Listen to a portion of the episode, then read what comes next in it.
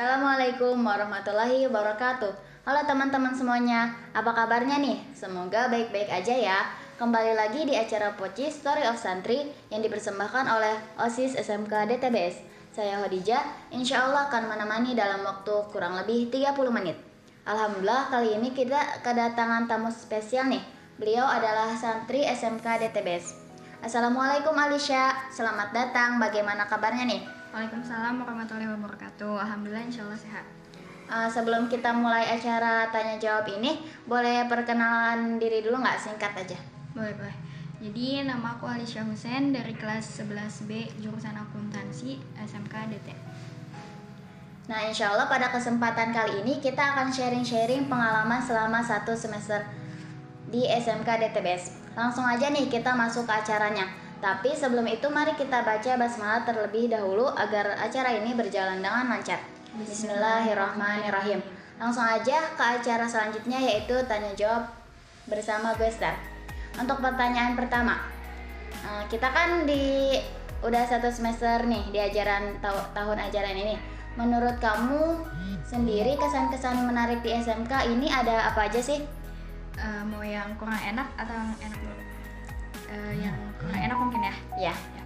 Mungkin yang kurang enak, yang pertama mengenai pertemanan. Kalau misalnya kita nggak suka nih sama satu orang, nah kita nggak mungkin langsung block communication atau break up gitu lah, karena kan posisinya kita itu satu atap, 24 jam uh, ketemu dan ngobrol dan alasan yang utamanya karena kita makhluk sosial ya, mau gak butuh mau butuh tapi tetap aja ada satu waktu di mana kita butuh uh, orang yang kita nggak suka itu. Nah mungkin itu yang nggak enak mengenai pertemanan kalau misalnya yang kedua yang enak itu kalau di asrama tuh kayak berasa punya keluarga baru. Apa-apa kita jadi tahu fakta aslinya sifat aslinya saling terbuka kan. Kalau ada apa-apa cerita gak disimpan sendiri. Pokoknya eh, barang-barang yang kita punya pun hampir semua orang pakai kan. Nah untuk yang kedua paling kalau di sekolah bener-bener kayak nemuin sosok guru yang emang tulus banget.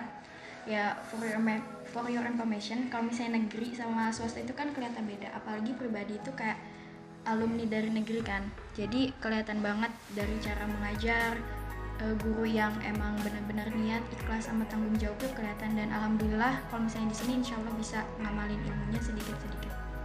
Nah sebelum kita lanjut ke pertanyaan sebelumnya nih, boleh nanya sedikit gak? Boleh boleh. Nah kan kalau tadi kata Alicia itu nggak enaknya di asrama gitu, kayak kalau misalkan kita nggak suka sama satu orang itu kayak gimana ya? Ada rasa nggak enaknya gitu. Nah kan kayak kita tuh setiap hari di asrama bareng-bareng. Nah gimana caranya Alicia itu kayak bisa biasa aja gitu. Apalagi kan kalau misalkan di satu asrama, satu atap itu bakalan susah banget gitu. Ya paling kalau misalnya kadang kita uh, apa ya kayak gengsi gitu kan ketemu sama orang. Ya mungkin kayak uh, istirahat gitu uh, misalnya gimana ya yang intinya kita tuh jangan kompor jangan cerita kalau misalnya kita itu gak suka sama itu orang ke orang lain. Karena kita nggak tahu kan kalau orang itu bakal komporin kita atau komporin yang lain karena kita nggak suka. Dan jadinya itu bakal luar kan. Nah jadi mending pendem sendiri dan istirahat komunikasi aja sama dia. Kan waktu ke waktu itu bisa ngubah hati seseorang. Ya bagus banget sih uh, tipsnya.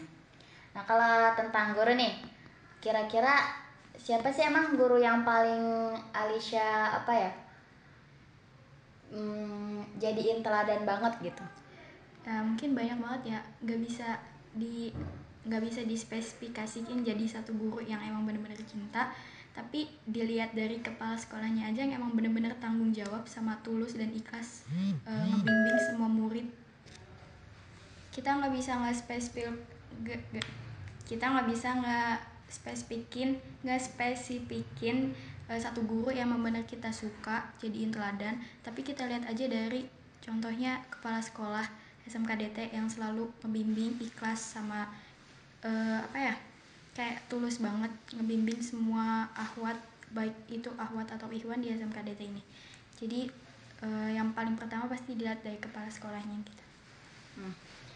nah kita lanjut ke pertanyaan selanjutnya kita kan udah beberapa bulan ya sekolah offline nih di SMK kan sebelumnya tuh waktu itu kita pernah sekolah online kan? Nah itu apa aja sih perbedaan yang kamu rasain selama menjalaninya gitu? Ya kalau misalnya perbedaan sama online sama offline tuh jelas-jelas beda ya. Karena uh, terus kita juga kan awal ya offline di sini di SMKDT yang pertama mengenai manage waktu. Kalau misalnya di rumah kan kita gampang misalnya bisa ngelakuin apa aja sambil sekolah karena posisinya online. Terus kalau misalnya di sini tuh bisa dibilang susah manage waktu walaupun bisa. Karena di satu sisi kan kita emang padat banget sama jadwal asrama dan apa kita juga harus bisa dalam kata ngurus diri sendiri tanpa orang tua. Dan itu menurut aku susah sih buat manajemen waktu. Nah yang kedua kita kan udah ditakdirin sama Allah nih. Kemarin itu online eh, dikasih kesempatan dekat sama keluarga eh, bisa hikmat ke orang tua. Nah sekarang diuji jauh dari orang tua dan emang pribadi emang first time. Dan menurut aku benar-benar keluar dari zona nyaman yang tadinya di, di rumah 24 jam rebahan. Dan sekarang kayak nambah aja gitu kegiatannya walaupun gak banyak. Gitu sih terus uh, waktu uh, waktu belajar juga kan kan kita sekarang lagi PAS nih terus waktu belajar cuma dikasih sampai waktu 17.30 sedangkan kalau di, di rumah bisa dibilang sampai jam 2 pagi juga dijadiin karena ada kan HP-nya, ada tempatnya dan ada waktunya. Kalau misalnya di sini kalau kita nggak pinter-pinter bagi waktu buat nyari materi semen, eh selama kita pegang laptop nggak bakal nguasain materi buat persiapan ujian gitu. Hmm. Ini kan uh, di apalagi khususnya di pesantren gitu ya teman-teman kan kayak ada yang beda-beda gitu loh. Nah, ya. Terus kayak misalkan uh, kadang tuh ya, misalkan kita pengen jadi anak yang rajin, anak ya. yang soleha, tapi tuh kayak teman-temannya tuh kadang agak kurang mendukung gitu, nah, ya. lingkungannya mungkin ya. Terus gimana caranya Alicia tuh kayak bisa tetap bisa apa ya? Jadi lebih baik gitu. Walaupun mungkin lingkungannya nggak uh, selamanya mendukung. Ya, yang pertama sih uh, paling utama pasti harus nguatin diri ya minta uh, minta dilur dilurusin niatnya sama Allah. Kita tuh di sini mau ngapain tujuannya apa dan untuk apa kita tuh? Yang paling penting sih ingat orang tua ya karena orang tua tuh uh, rela berkorban demi kita bisa sekolah di sini. Terus yang kedua cari temen yang emang bener-bener ngebawa kita dalam kebaikan misalnya ngajakin sholat kalau lagi putra diingetin dan bener-bener cari temen yang menurut kita baik dan gak toksik kepada kita. Hmm. kan udah mm, masa offline tuh waktu itu kita hampir satu tahun lah lebih malah. Nah kan sekarang kita udah offline nih. Pernah kangen gak sih masa-masa sekolah online? Pernah sih kalau bisa dibilang banget. Karena karena ya kalau di rumah tuh nggak cuma bisa belajar kan. Karena pelajaran juga online cuma pakai laptop e, modal bedi eh berdiri duduk di depan zoom dan itu bisa hasilin lagi kan hmm. terus uh, bisa sambil konten juga bisa jualan online juga dan lain-lain juga nah terus kan kadang kalau misalnya nulis nulis apa apa bisa bebas kalau di rumah kalau di sini buru-buru kan nulis ada yang ada kepake buat kegiatan lain hmm. terus um, tapi kalau misalnya di tapi kalau misalnya dibandingin sama offline itu ya lebih menarik offline karena kehidupan sosial kita lebih luas kan. Kita interaksinya bebas sama orang dan punya teman baru keluarga baru gitu. Hmm. tapi uh, ada nggak sih coba uh, kayak apa ya satu kejadian waktu online yang nggak bakalan pernah bisa dilupain deh? Kayak uh, kayak mau dijadiin apa ya pengalaman yang indah mungkin gitu ya um, mungkin apa ya kalau online ya paling gitu. Sama kita belajar tapi kita bisa kalau aku pribadi bisa ngasilin uang sendiri. Karena sambil jualan online juga sambil konten. Jadi nggak cuman minta jajan. Kan biasanya kita kalau di rumah hmm. susah minta jajan kan? Karena posisi online daring nggak usah dikasih jajan sama mama tapi kita bisa ini kan sambil jualan ya sedikit sedikit jadi bisa ngasilin buat jajan gitu sih. Masya allah banget ya uh, sudah menjadi wirausaha muda. Nah sampai saat ini ada rasa nyesel nggak sih masuk SMK atau emang dari awal niat mau masuk SMK? Bingung sih, karena walaupun SMK tuh pengecualian ya waktu dulu sampai akhirnya bersyukur banget karena keterima di SMK eh karena nggak keterima di sebelah keterimanya di SMK dan itu bener-bener kayak bersyukur banget lah ya Allah alhamdulillah keterimanya di sini. Karena udah tau loh di sini semenjak sekolah di sini tahu perbandingan perbandingannya dibanding yang sebelah. Terus ya alasan utamanya juga karena amanah doa sama nasihat dari orang tua. Ya alhamdulillah. Ya sekarang bisa podcast kan di sini jadi keterima di SMK Masya Allah. nah, kita menuju pertanyaan terakhir nih. ya boleh Menurut kamu sendiri yang membedakan atau yang membuat SMK DT itu unggul dari SMK SMK yang lainnya itu apa? Eh, yang pertama kalau dia pribadi dari segi ruhiyah kayak SMK DT tuh semua pihak ya baik itu dari guru musrifah kalau misalnya kita lagi down kita lagi futur atau lagi apa tuh kayak langsung sigap menyikapinya kayak misalnya kita dikasih kajian ruhiyah atau apa apa diingetin lagi dinasihatin lagi nah itu. Jadi bikin diri kita insya Allah kuat ya. Seenggaknya kalau misalnya kita lagi futur kita bisa eh, naikin tingkat iman kita lagi. Nah terus dari segi kalau sekolah kurikulum tuh kurikulumnya juga bener-bener yang eh, nggak sembarangan gitu. Semua materi diurutin secara rinci dan jelas dan emang yang dari pengajarnya pun eh, benar-benar pengen bisa eh pengen muridnya bisa gitu Hmm, kalau kamu sendiri nih, seberapa persen kamu mau merekomendasikan SMK DT ini kayak ke teman atau nggak ke adik kelas atau nggak ke saudara?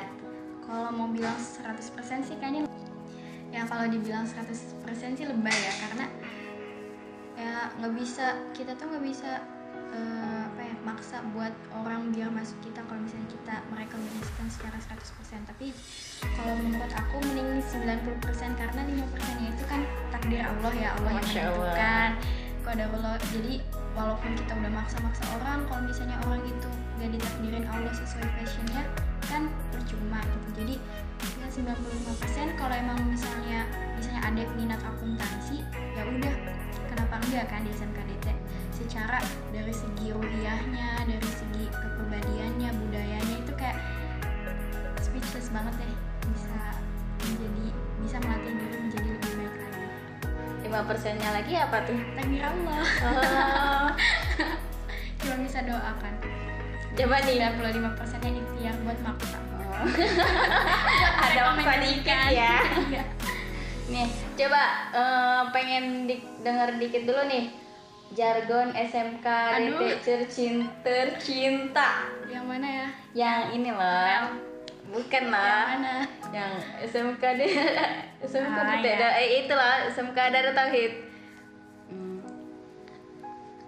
boleh boleh Eh, kalau bareng gimana Eh, berarti yang mimpin coba aku yang ngomong SMK nanti kalian langsung sambung ya. oke Satu, dua, tiga. SMK Bisa.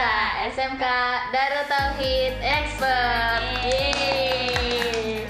Nah, alhamdulillah podcast kali ini telah selesai. Terima kasih ya, terima kasih banyak Alicia sudah berkenan hadir berkenan hadir dalam mengisi podcast pada hari ini.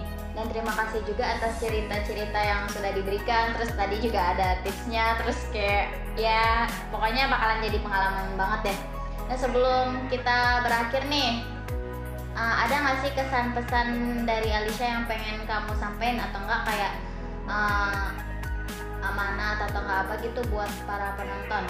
Buat podcast ini ya Hmm. jadi yang pertama sih minta maaf kalau emang misalnya ada kata-kata yang jadi bumerang buat diri sendiri maaf kalau misalnya ada kata-kata yang salah dan emang eh, insya Allah benar-benar pengalaman diri sendiri mengenai kayak SMK tuh benar-benar ada perubahannya buat diri sendiri gitu jadi yang tadinya gimana-gimana jadi lebih baik lagi insya Allah kan. Nah terus ya mudah-mudahan eh, semua yang ngedengerin ini bisa dibukakan hatinya sama Allah dirubah hatinya biar bisa masuk kita kan bisa masuk SMK karena karena apa ya? Ya udah pengalaman udah apa. Walaupun aku dulu juga nyet- aku dulu juga dipaksa sama orang tua sampai ya ada problem sama orang tua dan akhirnya bisa masuk sini dan bersyukur banget gitu Masya Allah banget ya. Semoga teman-teman bisa terinspirasi oleh cerita-ceritanya dari Cia nih. Nah, terima kasih juga buat cerita-ceritanya yang udah dikas eh, dibagi gitu. Mohon maaf kalau misalkan dari MC-nya atau dari kita ada salah-salah kata, saya sebagai MC pamit undur diri. Wassalamualaikum warahmatullahi wabarakatuh. Sampai jumpa, semoga bisa berjumpa kembali dan jangan bosan untuk mendengarkan dan menanti Pocis di episode selanjutnya. Dadah. Dadah.